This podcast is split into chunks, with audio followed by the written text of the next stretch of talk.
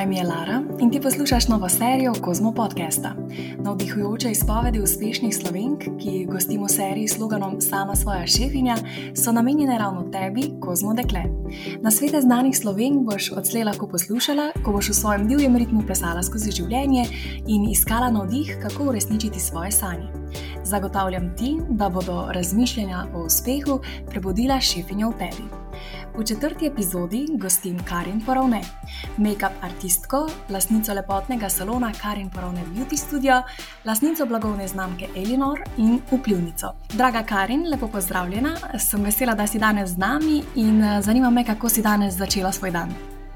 Živijo, najlepša hvala za ta lep predstavitev in ta lep uvod. Uh, kako sem začela dan? Ja, ne tako, kot ga začnem ponavadi.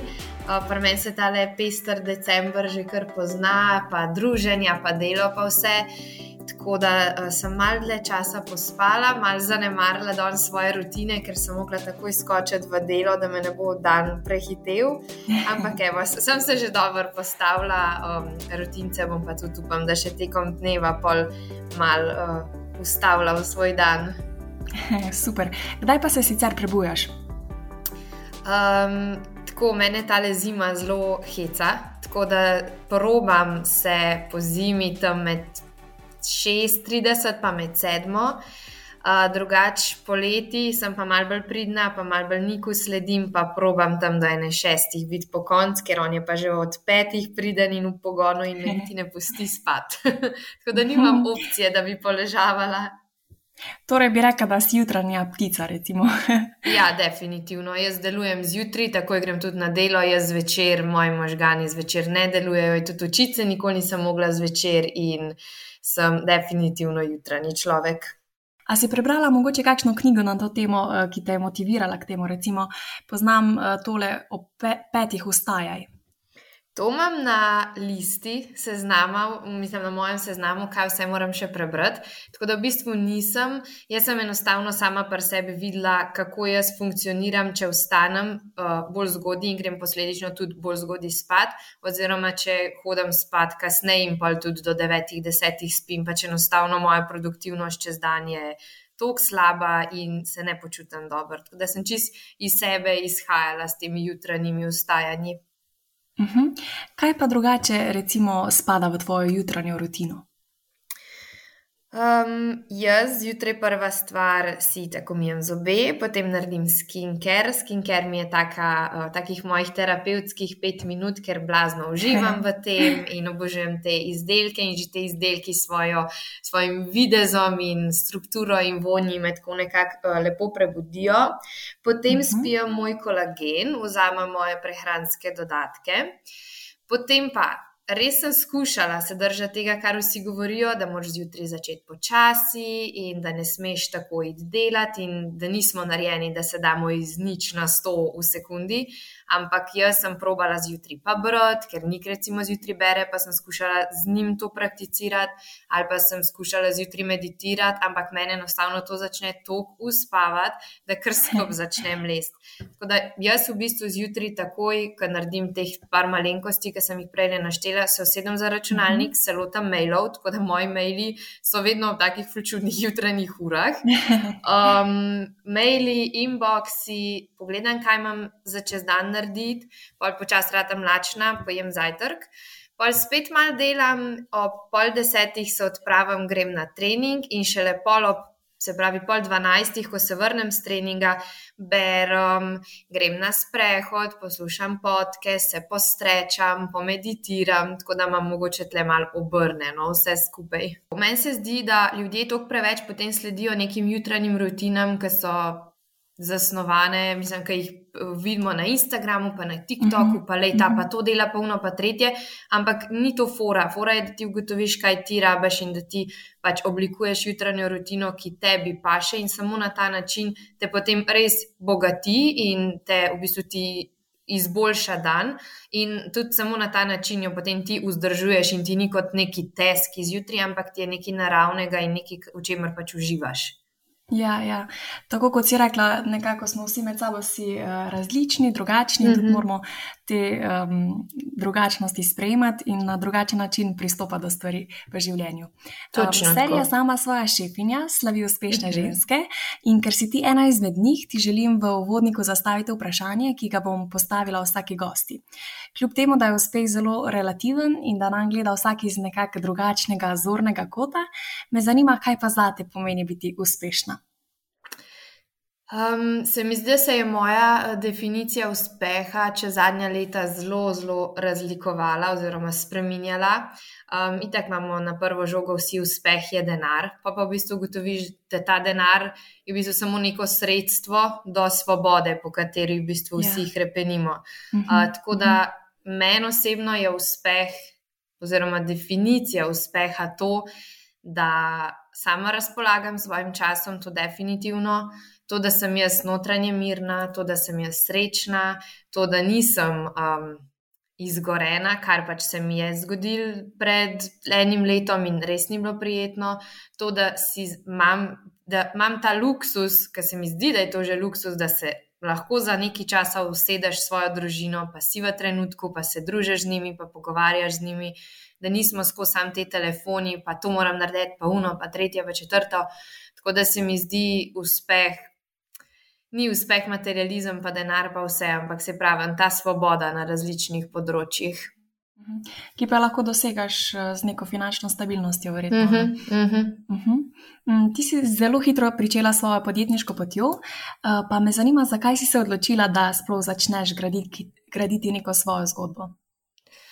Um, moja zgodba se je v bistvu začela prav točno danes, šest let nazaj, zjutraj sem to ugotovila. Um, v bistvu, kako se je začelo, pri meni je bilo vse res zelo, zelo spontano. Jaz nikoli nisem sanjala o tem, kar imam zdaj čisti iskreno. Jaz sem šest uh mhm. -huh. let nazaj kot velika make-up navdušenka, ko sem gledala po drogeriji tiste katris paletke, pa to mi je bilo vse tako fajn. Takrat sem visela ure na YouTubu in make-up tutoriali. In potem sem šla čist za svoj lasten užitek na prvi make-up tečaj. In od takrat naprej sem v bistvu samo delila, takrat še na Snapchatu, ker Instagram sploh še ni imel storijev, pa na Facebooku. Sem pač samo delila v bistvu svoje delo, klicala vse možne znamke, prijateljice jih mazala. In se je potem začel zelo tako um, razvijati spontano vse skupaj, stranke so začele prihajati, maturantke, neveste, poroke. Uh, tako da jaz verjamem, da ko si v bistvu na neki pravi poti, ki ti je namenjena, stvari zelo uh, lepo stečejo. Um, to, pa sem pa, potem sem pa v bistvu razširila vse skupaj še na leš filarje, ko sem dojela v bistvu čisto iskreno, da sem na neki točki v make-upu, ko še vedno služim dobro, ampak za prav en orang velik salon in prav mhm. svoje SP in stroški in vse, je bilo pa še vse mečkam premalo, da bi rekla na koncu meseca, da pa od tega pa res lepo živim. Tako da sem v mhm. bistvu, ker make-up je zelo tako, ko je, je super, ko so pač poroke, je veliko, so maturantski ples je veliko, ampak vmes pridejo pa mrtvi meseci, ko ni dela. Pa pride november, ko se nič ne dogaja, pa pride januar, ko se nič ne dogaja. In to so meseci, ko imaš ti lahko v celem mesecu tudi, ne vem, par sto evrov prihodka, kar ti niti ne mhm. pokrije sploh. Um, stroškov, ki so pa pač mhm. res ful visoki, ne ja. tako kot povsod. In sem potem iz tega vidika razmišljala, kaj bi še lahko dodala, da si v bistvu ustvarjam neko stalno klientelo. Uh, šla čist, spet spontano, probat le špilarje, se ful našla v tem, ful začutila, ful uživam še vedno v tem. Pol je pa se pravi, spet stekel, ker naenkrat poven salon, razširila sem pol ekipo še na jasno in uršo. Um, in pa se je v bistvu tudi eno leto nazaj začela pa uh, um, v bistvu ta ideja o Elinorju, in zdaj ga imamo že od aprila. Wow, super, čestitke. Torej, ti si v bistvu nekako sledila um, nekem, nekemu toku in se v bistvu prepustila, nekako tudi nisi um, že od vsega začetka, kot si rekla, imela točno zastavljenih ciljev, ampak si sproti ugotavljala, kaj bi še lahko izboljšala, um, uh mhm. -huh. kaj bi si še želela si, si o tem, um, kar gradiš sedaj, že kdaj prej vizualizirala cilje, ki si jih želiš doseči, ali mogoče to zdaj prakticiraš? Se pravi, v bistvu Ne, pa ne, da nisem imela ciljev, jaz sem zelo tako, uh, življenje me je zelo po svoje nesu in sem usledila. Tako da ne, um, nisem imela prav ciljev, sem pa bila vedno tista hardworking, vedno sem se gnala, vedno sem želela še več, vedno sem Želela sem biti sam svoj šef, želela sem živeti od ličenja, ko sem pa šest let nazaj začela, in potem je v bistvu to trdo delo znova in znova v bistvu pripeljalo do tukaj, kjer sem zdaj. Nisem si pa prav določeno postavila cilja, čez šest let bom jaz imela svoj salon in delala trepalnice in make-up. Tako specifično ni bilo dorečeno, yeah, ja, yeah. Ja. sem pa vedela, da želim ustvarjati v tem beauty svetu, ker mi je zelo blizu, in vedela sem, da želim imeti nekaj svojega ker sem s študentskimi deli spoznala, da jaz ne morem delati za nekoga drugega. Mogoče so tle pripomorali uh, zelo slabi in taki um, grozni šefi, ker sem bila zelo psihično izčrpana po teh mojih študentskih delih in sem ugotovila, da, da ne zmorem biti v neki firmi, kjer me vodi nekdo, ki, mi, ki, se, pač, ki ni ok. No. Ja, in tudi verjetno te je ta neka negativna izkušnja pravzaprav potisnila, da se potrudiš, da narediš nekaj boljšega. Um, mhm. -huh. In ugotovila si ravno na podlagi te negativne izkušnje, da pa ti mogoče nikoli ne bi delala za drugega. Uh -huh. Uh -huh. um, Prej si razlagala, da si bila vedno tista hardworking, ustrajna, da si si vedno želela še več. In tudi nekako bi rekla, da si bila zelo drzna, da si si rekla, jaz želim živeti odličenja. To je, mm -hmm. recimo, pri nas, se mi zdi, da zelo drzna, um, drzen cilj. Uh, pa me zanima, kako si razvila to miselnost, uh, s katero si potem privabila te, um, vse te uspehe, in pa če so ti pri tem pomagale kakšne knjige ali pa kaj drugega. Um... Jaz se drugače iskreno velikokrat sprašujem, odkje meni ta poslovna, um, ta žilica. poslovna žilica. A sploh doma, vedno so me res podpirali, zelo, zelo so me podpirali, vedno stoči in mami, pač in finančno na začetku, ita, ker jaz sem začela pred 20 leti in te tečaji so po 600-700 evrov, in jaz, kot 20-letna punca, nisem imela teh financ. Tako da ste mi definitivno zelo pač pomagala, ampak po drugi strani pa sta bila tako mal. Tista, da je kar in rajši šola, um, ker je pač safe, pa tudi nisem nobene knjige brala na to temo. Tako da, ne vem, jaz sem kar to nekako imela vedno od sebe v sep noter in tudi oči ni čist verjel, da bom jaz lahko tega živela, ampak jaz sem si rekla, pa če bom toliko časa garbala, da pač neki mi bo ratal, neki, neki bo mogel pač biti. Jaz bi rekla, da ni bila miselnost tista, zato ker samo želeti nekaj, pa upati na nekaj, ni dovolj. Um, ampak je mogoče ta hard work v ozadju, v katerem se mi zdi, da se še vedno res premalo govori, ker ljudje potem vidimo samo tisti blišča. Pa ja, rezultate, ne pa celotnega tako, procesa. Tako, mhm. tako. Vsi vidijo samo rezultat in vsi vidijo uh, samo, se pravi, končni produkt. O tem procesu, pa te poti se pa ne govori, zato ker se mi zdi, da zelo hiter si zabit strani, zabit v smislu, da te zatre. Um, Naša pač družba, v smislu, kaj se bogi, kaj se smilaš sam sebi, ali pa po drugi strani, pa da se bahaš, pa da se hvalaš. Um, tako da jaz mislim, da pač moj uspeh in uspeh vsega, tudi to, kar poslušam od drugih, to pač to je v bistvu toliko enega žrtvovanja v ozadju. Je, jaz v zadnjih šestih letih nisem šla noben petek ven, ker sem mogla vsak petek ob sedmih zvečer že spati doma, ker sem imela zjutraj že poroko. Vsak petek, ko so bili moji vrstniki, pa prijatelji, sploh v 20-ih, ki si ti star 20, je pač socialno življenje, to ti je nekaj najbolj pomembnega. In so bili vsi moji prijatelji na odprti kuhinji, in zjutraj, ki sem jaz že šla delati, so oni šli šele iz cirkusa domov, in jaz sem pač ustala in sem rekla, jaz moram iti spat, jaz moram iti delati. Vsak cent daš za to, ne zapravljaš na pijačkah, ne hodiš ke, tisto tretje. Tako da. V bistvu ni neka miselnost, ki te pripelje, definitivno tudi dober mindset, ampak na koncu so pač dejanja tiste, ki štejejo. Mhm. Pa mogoče tudi tem, eh, to, da si sledila nekako svoji intuiciji oziroma svojemu srcu, si sledila, ko si rekla, da si, si to vedno želela in pa si to enostavno poslušala. Nisi poslušala, uh mhm. -huh. recimo, staršev, ko sta ti rekla, pa da je rajš pro, še probi v šoli, ampak uh -huh. si mhm. rekla, jaz bom to in se bom borila za to.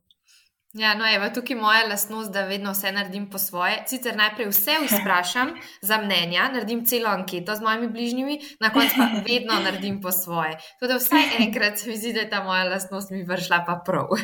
Ja, ja. Zdaj si pa v bistvu razvila tudi svojo blagovno znamko, torej pred enim letom si rekla. Eh, pa me zanima, kaj ti je bilo najtežje, ko si se odločila, da razviješ Elinor, da razviješ svoje produkte. V bistvu najtežje je bilo, ko sem jaz imela idejo, se pravi, to je bilo res, to je bilo lih decembra lani, najtežje je bilo tako, ok, jaz bi imela svoje produkte, vem, kaj bi imela, kako za Boga se tega lotiti. Pač, kaj začneš, kje začneš, a, kje najdeš proizvajalca. Jaz pa nisem vedela, da moraš najti proizvajalca, nisem imela pojma, kako mhm. to poteka. In tukaj sem res vesela, da imam Nika. Sicer takrat sem bila tako sveža, da smo se poznala dva ali tri mesece, ko smo že začela Elinor skupaj ustvarjati in so bila tako malce skeptična, ampak smo ne vem, nekako zaupala. Um, ker Nik je, kljub temu, da je mlajši od mene tri leta, je dosti bolj izkušen v teh poslovnih vodah um, in zaradi službe, in zato, ker od, že odkar ve za se, po moje, ogromno bere in se izobražuje na teh področjih. In sem jaz njemu rekla, jaz bi to imela, mi, ta, ta, mi ti znaš pomagati, in je bom tako kar in pač to jaz berem, to jaz živim, to jaz delam že par let. Tako da smo v bistvu potem z Nikom to skupaj, bil on kot nek moj mentor v tem procesu. Um, in mi je smešno, ko pomislim nazaj, da sem jaz mislila, da bom pa to sama delala. In še pol, ko sva z nikom začela govoriti, da bo pa to najno, mi je bilo tako mal ne prav v smislu. Jaz bi raje, da bi bilo to samo moje, ne bi tebe imela zraven. Zdaj pa vidim, da v bistvu nisva niti mi dva dovolj in da je treba zraven še ne vem, pet, šest ljudi, da to laufa mi je smešen, kako sem jaz to mislila, da bom kar sama. In nisem si sploh predstavljala, koliko enih stvari je zraven, če ti želiš, da je tvoj brand oziroma tvoj biznis res uspešen, da pač res lahko rečeš, da imaš urek biznis. Um, mm -hmm. Tako da najtežje je bilo v bistvu najti proizvajalca. Mi dva sva iskala na začetku res um, svet na svetovni, od Kitajcev, sicer tiste pa sploh niso odločila, ker sem jaz rekla na mojih produktih pod mojim imenom, pa ne bo Made in China pisal. Uh -huh. um, ampak sva šla, se pravi, Evropa in Slovenija. Takrat sem jaz poslala preko 300 mailov, res pošiljala sem wow. cel dan, od, dobiš odgovorov, fulmal nazaj. Um, ne vem, če mi je 30 ljudi odpisal. Potem smo pa dala v ožji izbor, se pravi, neki držav, dobiš testarje in potem, ko testiraš produkte, je zelo hitro jasno, kje si in Slovenija je bila daleč najboljša. Um, mm. Potem so se pa začeli v bistvu, se pravi, postavljanje spletne strani, um, vsaka malenkost, ki jo je treba doreči. Tako da meni je bilo to vse skupaj zelo eno tako stresno obdobje, sploh zato, ker imam eno tako smotano lastnost, da ko nečesa ne znam, se ustrašim, bi se najraje izjokala in dvignila roke nad vsem. Nisem taka, ok, ne znam, se bom usedla, se bom naučila in bom pač zgrizla. Ne, pač jaz nisem taka, žal. Um, tako da je bilo to v bistvu eno tako res veliko in široko področje neznanega in nisem vedela sploh kaj in kako, ampak na srečo je nik ta del prevzel, ker ima več izkušenj od vem, spletne strani, SEO, ta marketing nama dela ta dve. Um, mi je rekel, naj se Facebook ece naučim, pa sem mislila, da bom znorela. Mi je bilo hujško, no, ker si v šoli, pa moraš neke besedilne delati, ki jih ne razumeš. Tako da mi je res všeč zdaj, da smo na Elinorju tako razporejena, da imam jaz na čez področje, ki, ki ga obvladam, ki me zanima, se pravi, content, organski rič, influencer, kaj imam na čez, testiranje produktov, kako bo vse skupaj izgledalo, nikma pa te tehnične stvari, ki me niti ne zanimajo, niti jih ne znam, niti me veselijo. ja. No, se zdaj smo mi tu dobili en tak zelo dober pogled v vse to, kaj je dejansko za neko blagovno znamko. Mm -hmm. Da je to mhm. res celoten proces, eno zelo, zelo trdo delo uh, mm -hmm. in mhm. super, da si tudi vse to povedala uh, nam. Uh, zdaj me pa zanima, kaj je sploh vizija tvoje uh, blagovne znamke, torej Elinorja. Ja, jaz sem Elinor v bistvu na začetku zastavila kot, uh, se pravi, prvi produkt je bil piling in olje. Uh, ker sem opazila, da kako ženske dajemo podarek samo na obraz in skincare, in vse je face, face, face, po drugi strani na telo pa čist pozabljamo. Ja, in ja. sem naredila tak komplet, potem sem šla pa. Um, Potem smo pa kot make-up artistka želela ustvariti, se pravi, nek make-up produkt in sem ustvarila uh, naš Samarina Bottle, ki je še vedno največji hit in totalen bestseller. In potem, v bistvu, po odzivu strank, po odzivu publike in po res tako dobremu sprejemu, sem videla, da imam jaz kot obraz uh, Elinorja največjo. Um, največ znanja, moč. največjo ja. besedo ja. in moč na področju make-upa, ker tukaj se pač pozna, da sem jaz make-up artistka in da me večina mojih sledilk spremlja zaradi make-upa. Mhm. Tu si in... tudi verjetno nekako izkoristila to svojo prednost. Tako, tako. Um, tudi pri tvoji blagovni znamki. Uh -huh. hm. Ampak spet ne, še ena stvar, ki se je zelo spontano razvila. Pač Elinor na začetku je bil zastavljen čisto kot nekaj drugega, zdaj smo pa že v make-up produktih. Ne? Se pravi, pri meni se res wow. vse tako spontano. Pač pustim se toku. Tako da v yeah. Ja. bistvu vizija Elinorja zdaj je, jaz želim še naprej za ženske ustvarjati produkte, ki bodo hibrid med negovalno in med dekorativno kozmetiko. To pomeni, da bodo že na prvo žogo, že takoj dale tisti lep instant efekt, po katerem vsi krepenimo, ne? se pravi, highlighter namažeš, se takoj fule posvetiš. Um, ampak po drugi strani pa želim, da so te um, produkti sestavinsko res kvalitetni in vrhunski, in da tudi, ne vem, naša baby krema ni sam baby krema, ki si jo namažeš gor kot nek pač puder, ki je sestavinsko kar neki, ampak je tudi zelo negovalna, zelo bogata, zelo vlažilna, notar ima res same vrhunske kvalitetne sestavine, tako da želim v bistvu to dvoje združiti in povezati. Um, Itek pa vse vse čas uh, ustvarjam skupaj s sledilkami. Jaz zelo veliko komuniciram z njimi, tudi prek mailinga, um, z njikom delava raziska, mislim, raziskave, jih sprašuje, kaj si želijo in vse. Tako da v bistvu bom čist se prepustila in um, poslušala trg, kaj želi, in skušala um, res na tistih področjih, kjer manjka. Um, zafilati te luknje in v bistvu ustvarjati še naprej neke take vrhunske kozmetične izdelke, ki jih ženske pogrešajo ali pa jim manjkajo ali pa ne najdejo tistih pravih. Wow, super. Ko tole poslušam, se mi to res zdi ena tako velika zgodba o uspehu. Pa me zanima, m, mm, verjetno rabiš v tej zgodbi o uspehu tudi nekako uh, veliko podpornikov. Prej si rekel, da sta bila to vedno tvoja starša, Nik, je bil kdo drug še tak tvoj podpornik, uh, ki ti je bil vedno ob strani in ti nekako tudi svetoval um, na tej tvoji poti. Moj tak največji podpornik, mislim, ja, poleg staršev, pa poleg Nika, bi rekel, da je definitivno moj komunity na Instagramu. Pač toliko, koliko lepih sporočil in koliko so engageni in taki zvesti in kakšno zaupanje imam očitno pri njih, mi je tako vsak dan wow. Um, tako da definitivno bližnji in moj Instagram uh, svet.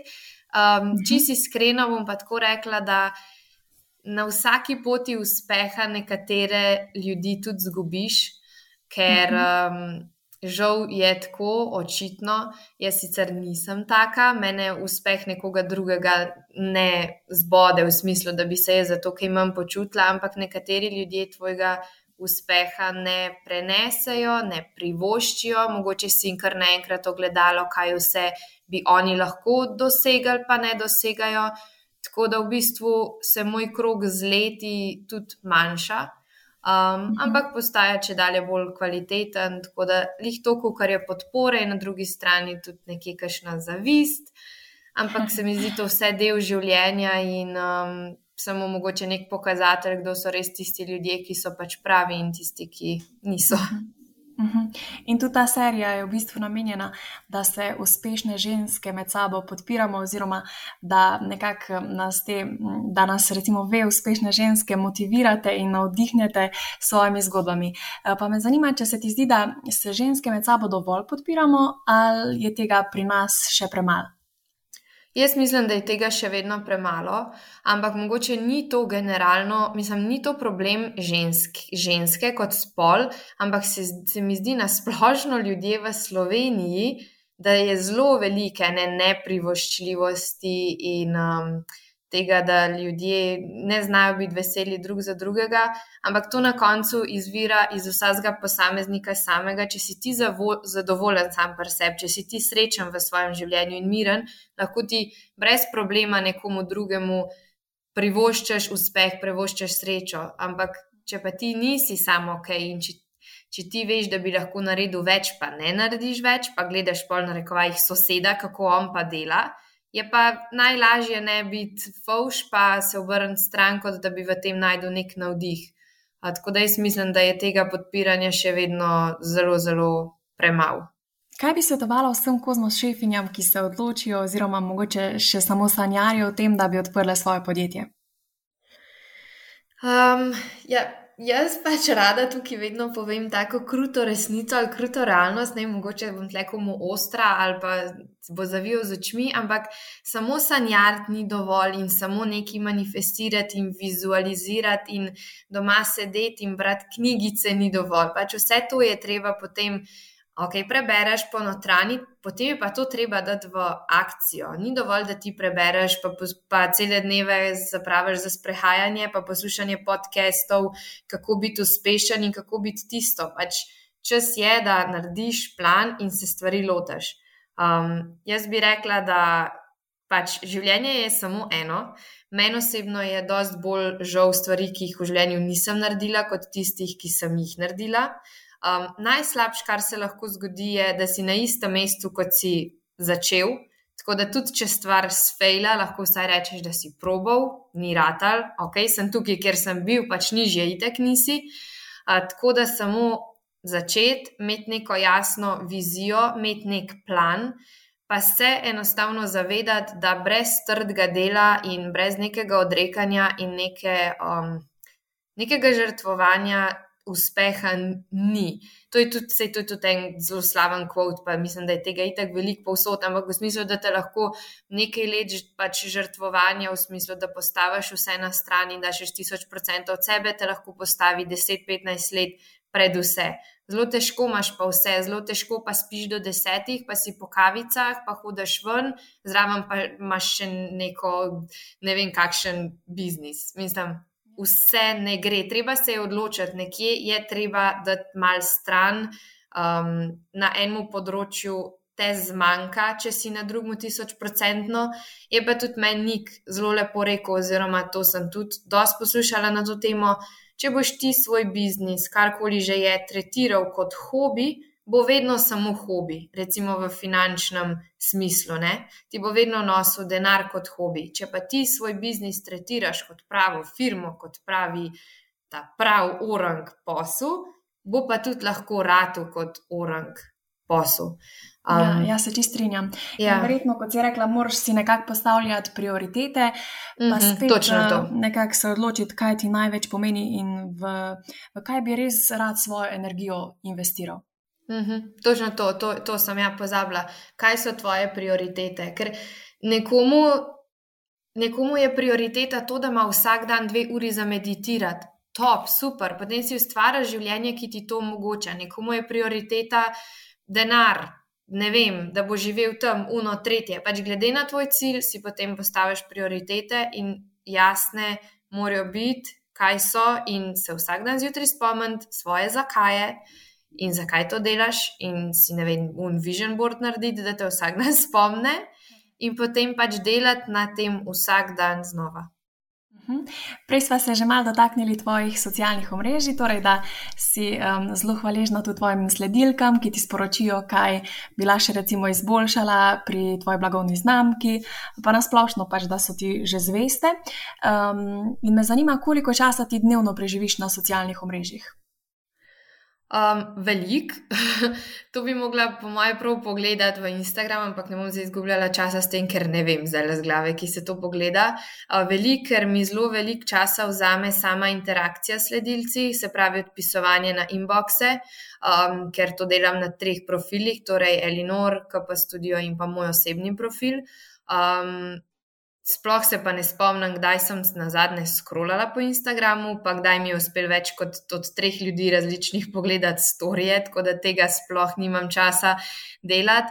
Um, tako da kar nekaj časa, sploh ko se mogoče veliko časa vzame, ko moraš posneti nek flow storijev za kakšno sodelovanje, ker jaz rada stvari dopišem zraven, jih opremam z raznimi linki um, in z vsemi informacijami, tako da, da to posnameš, pa pa objaveš še kar neki. In pa tudi, kadarkoli sem mogoče malo bolj tako, da grem na bolj osebne teme, se vedno ful sproži debata v inboxih in ljudje se ti res odprejo in pišejo dolga sporočila. Um, ampak jaz v takih primerih pol grem na sprehod, vključim voice in se ljudem povojsam nazaj, ker da bi vsakmu posebej še prav odpisovala, je čist preveč časa, če vsem pa res odpišem na čist, čist vsako sporočilo. Um, tukaj mogoče bi mi bilo malo lažje, če ne bi, ampak na koncu koncev sem tam, kjer sem na Instagramu zaradi teh ljudi in da bi ignorirala sporočilo, mi nekako um, mi, mi nino se mi ne ja, zdi ok. Mm, verjetno tudi zaradi tega tudi nekako ta uh, zvestoba oziroma povezanost s sledilkami oziroma tudi sledilci. Um, uh -huh. Torej ti večinoma um, uporabljaš socialno mrežo nekako, da se povežeš uh, s, tvojo, s tvojo publiko, ne pa to, uh -huh. da bi mhm. nekako iskala navdih. Kje pa iščeš ta navdih? Mogoče Pinterest ali... Pinterest imam zelo rada, zadnje čase tudi TikTok drugače. Um, uh mhm. -huh. Sicer skušam res omejiti, ker se mi zdi TikTok, da te kar posrka noter, ampak tudi tam je zelo enih takih inspiracijskih um, vsebin. Drugač pa na vdih iščem tudi v okolici, um, v podcastih, v knjigah, nimam prav tako določene ljudi, da bi mi bili pa na vdih ali pa vzorniki, ali kako smo že včasih yeah, ja, rekli. Yeah. Mogoče si lahko sama sebi najboljša ozornica, pa nekako vidiš, kaj bi še lahko bilo boljš, oziroma Tako, kje ja. še imaš nek prostor za izboljšek. Mm -hmm. Na tak način potem ja, sam sebe tudi motiviraš. Um, mm -hmm. Zdaj pa smo, po mojem, že kar dosto povedali o, o službi, pa o delu, pa o, o vseh teh stvareh. Zdaj pa se bomo posvetili še malo sprostitvi. Po napornem dnevu si verjetno tudi sama zelo rada privošči sprostitev, pa me zanima, kako se sama najraje odklopiš. Moj najljubši del dneva je, ko pride nik domov.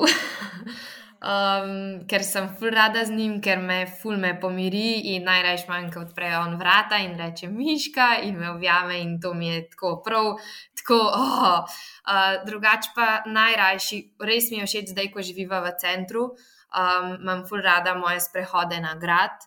Um, rada imam, ful mi je terapevtsko in sproščujoče, uh, kakšno pomivanje po stanovanju, da moram kaj pospraviti, da imam kakšno muziko najljubše ali pa podcast.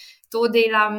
Um, treningi so tista moja stvar, ki me ohranja pri zdravi pameti, se jaz kdaj pohecam. Tako da tudi, ko mi kdo reče, pač, kako imaš čas za to, sem tako, to ni, da si jaz vzamem čas. To je tako, tisto, kar jaz moram imeti, zato da jaz ne znorim v oblavi tega divjega življenja. Um, yeah. Ja. Drugače pa, da bi pa filme ali pa serije gledala, pa že dolg časa ne spet, zato ker me nimam časa, pa ker rajši čas drugače um, porabim kot Porabiš, pred ja. ekranom. Uh -huh. Uh -huh. Ja. Uh, prek socialnih omrežij se da opaziti, da si zagrize, zagrizena športnica. To si tudi zdaj sama povedala, da te nekako šport pomirja.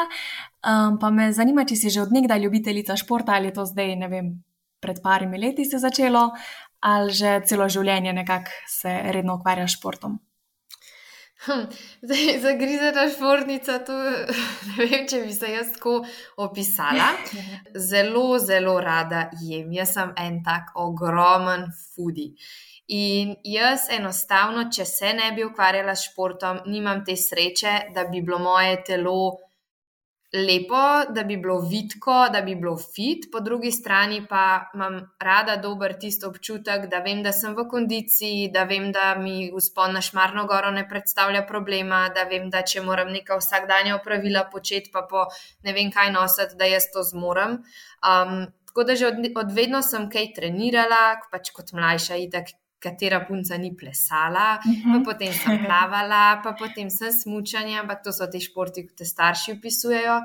Um, drugač pa od gimnazije, recimo, se pravi, kar sem na 15-16 stara, imam pa rada šmarno goro, tečem, fitness, tako stvari, ki v bistvu to, da ohranjam neko linijo, ker če ne bi jaz telovadila, jaz, jaz res bi bila nezdravo močna ker se mi pozna vsak gram um, in pa tudi tisti občutek, ki ti ga ta trening, meni je to neprimerljivo s čemer koli ja. drugim. Tako da že sam ta after feeling po treningu mi je. Ja, pa rekla si tudi nekako, da te um, ohranja ta šport tudi nekako pri zdravi pameti mm -hmm. uh, in verjetno je lahko tudi šport kot neka vrsta meditacije. Mm -hmm.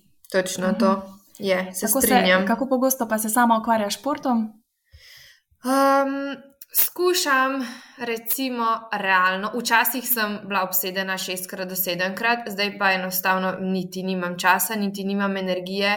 Pa tudi polko malo zrasteš, pa se malo mal bolj pameten rataš, ugotoviš, da je tudi počitek zdrav in, in potreben in opažam, da če naredim trening štirikrat na teden, sem zelo bolj efektivna pri teh treningih, kot tisto, ki sem trmarla v šest do sedemkrat na teden, ker je tvoje telo že tako zmatrano in je trening posledično tako slabši. Tako da recimo štirikrat na teden. Ja, se mi zdi tudi, da moramo nekako iskati vedno v življenju ravnovesje med delom Tako. in uh, odmorom, potem med uh -huh. zdravim prehranjevanjem, pa med nekimi um, mal manj zdravimi um, obroki, potem med vadbo in počitkom. Mhm, ja, ja. ja, točno tako. Ja. Mhm. Zdaj smo že lahko ugotovili, da v bistvu ti v svojo dnevno rutino vsak dan umeščaš neke male navade. In se ti zdi, da je to tudi nekako po tvojem mnenju recept za uspeh, da vsak dan storiš nekaj, kar te naredi um, en korak bliže svojemu cilju? Ja, se trudim vsak dan, predvsem se trudim vsak dan odklopiti, zato ker moje delo je vezano na računalnik, je vezano na telefon. In skušam še tisto, ko sem pač frej ne scrollati in ne viseti na teh socialnih omrežjih, tako da grem, ne vem, ven, pač rabim kisik, da grem brez telefona, da se, um, da se odklopim, da se pravi, zamenjam televizijo pa serije za knjigo. Um, predvsem pa tudi, da sem z mojimi, da sem tisto v trenutku in da se družimo ena na ena, da ni vse samo tako na hiter, pa sam prek ekranov tako da se skušam res bolj tako, ko se temu reče, da se odklopiš. Ja. Zdaj me pa zanima, kaj spada še v tvojo večerno rutino. Zdaj smo že omenili vse tvoje dnevne aktivnosti, pa me zanima, kako najraje zaključiš svoj dan. Uh -huh. Um, zvečer pa seveda se stuširam, um, naredim peeling telesa enkrat na teden, potem se um, ponegujem, zvečer pa vedno gledam v kopalnici YouTube.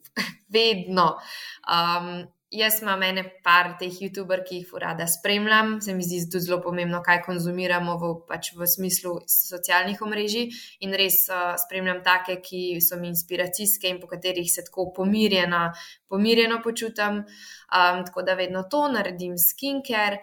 Um, potem pa v bistvu čist nič posebnega, neke streče ali pa ne vem kaj zvečer, nimam to naredim čez dan. Um, pol pa z nikom ali pogledava tisto eno serijo, ki jo gledava 20 minut, traja, uh, nek, kot sem že prej rekla, nekih filmov ne marava, kdaj greva zvečer na sprehod, če zelo dolgo delava, ker mi dva sva pač krati in poslovna partnerja in pač partnerja, življenjska partnerja.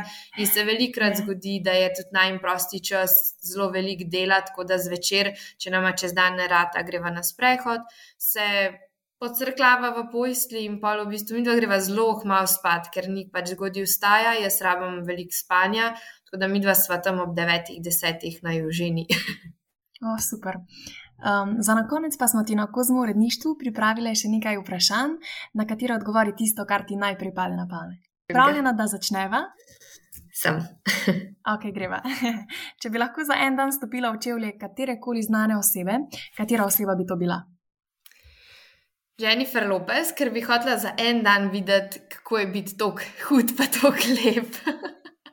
oh, Tvoj moto je? Moj moto je, da ima življenje včasih boljši plan za nas, kot ga imamo sami. Wow, super. Najboljši na svet, ki si ga kadarkoli prejela. Ne vem, če je najboljši, je pa definitivno ta, ki se mi je najbolj vtisnil od moje mame. Ne vem, sploh koliko sem bila stara, po moje deset let nazaj. Rekla je, da nikoli ne, ne napadam, ko hočem nekaj povedati, ampak ne vedno izhajam iz sebe. V smislu, takrat mislim, da sem se lih nekaj kregala na fanta, v smislu, zakaj me nisi poklical, ampak žalostna sem, ker me nisi poklical. In ta nasvet je meni life changing, ker če pristopaš na drugi način, se vse spremeni. Wow. To velja tudi verjetno na vseh področjih. Na vseh življenja. področjih. Ta nasvet je vrhunski, ker napad boš vedno dobil napad nazaj. Če pa ti vedno iz sebe izhajaš in poveš, da si žalosten, da te je to razjezilo, ono tretje, boš pa vedno dobil nazaj lep odziv in na ta način je toliko manj konfliktov, potem tudi z bližnjimi ljudmi in uh, vsa komunikacija poteka dosti, dosti, dosti boljša. Wow, super. Zdaj pa še zadnje, kaj bi sporočila vsem kozmo poslušalkam? Jaz bom kar se navezala na moj Elinor in kaj skušamo prek Elinorja vse čas uh, komunicirati. Da kako pomembno je, da v svetu, kjer se mi zdi, da je vse usmerjeno v to, go, go, go, in kaj je najbolj moderno, je to, da rečeš, da si samo tri ure spal zadnja dva tedna in da sploh ne veš več, kje si in koliko imaš ti projektov, ker se mi zdi, da je en konstanten battle, kdo je boljši in kdo več dela in kdo, je, kdo ima večjo izčrpanost in kdo ima večje anksiozne napade in ne vem kaj.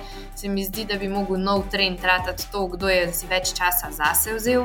In um, jim želim en uh, miren zaključek leta in uh, eno čudovito prihajajoče leto, naj bo polno nekih self-care trenutkov, pa ne samo z lepimi čajnimi dišečki, dišečimi svečkami, pa vročimi kopeljmi, ampak predvsem self-care v smislu da uh, se znajo uh, postaviti na prvo mesto, da znajo reči ne, da delajo na sebi psihično, kot tudi fizično, ker sta stvari tako pač povezani med sabo, in da se zavedajo, da so čudovite in kaj so vredne in koliko so vredne, in da si zaslužijo samo najboljše. Wow, super, res lepo. Eh, draga Karin, hvala, ker si bila danes moja gostja. Res je bilo lepo poklepetati s tabo. Hvala tebi, res mi je bilo veselje, tako lušna ena urca. Hvala. Tebi, ko smo poslušalka, pa želim čudovito vstop v novo leto in upam, da boš v letu 2022 sledila svojemu srcu in posegala po vsem, o čemer sanjaš. Adijo! Ciao!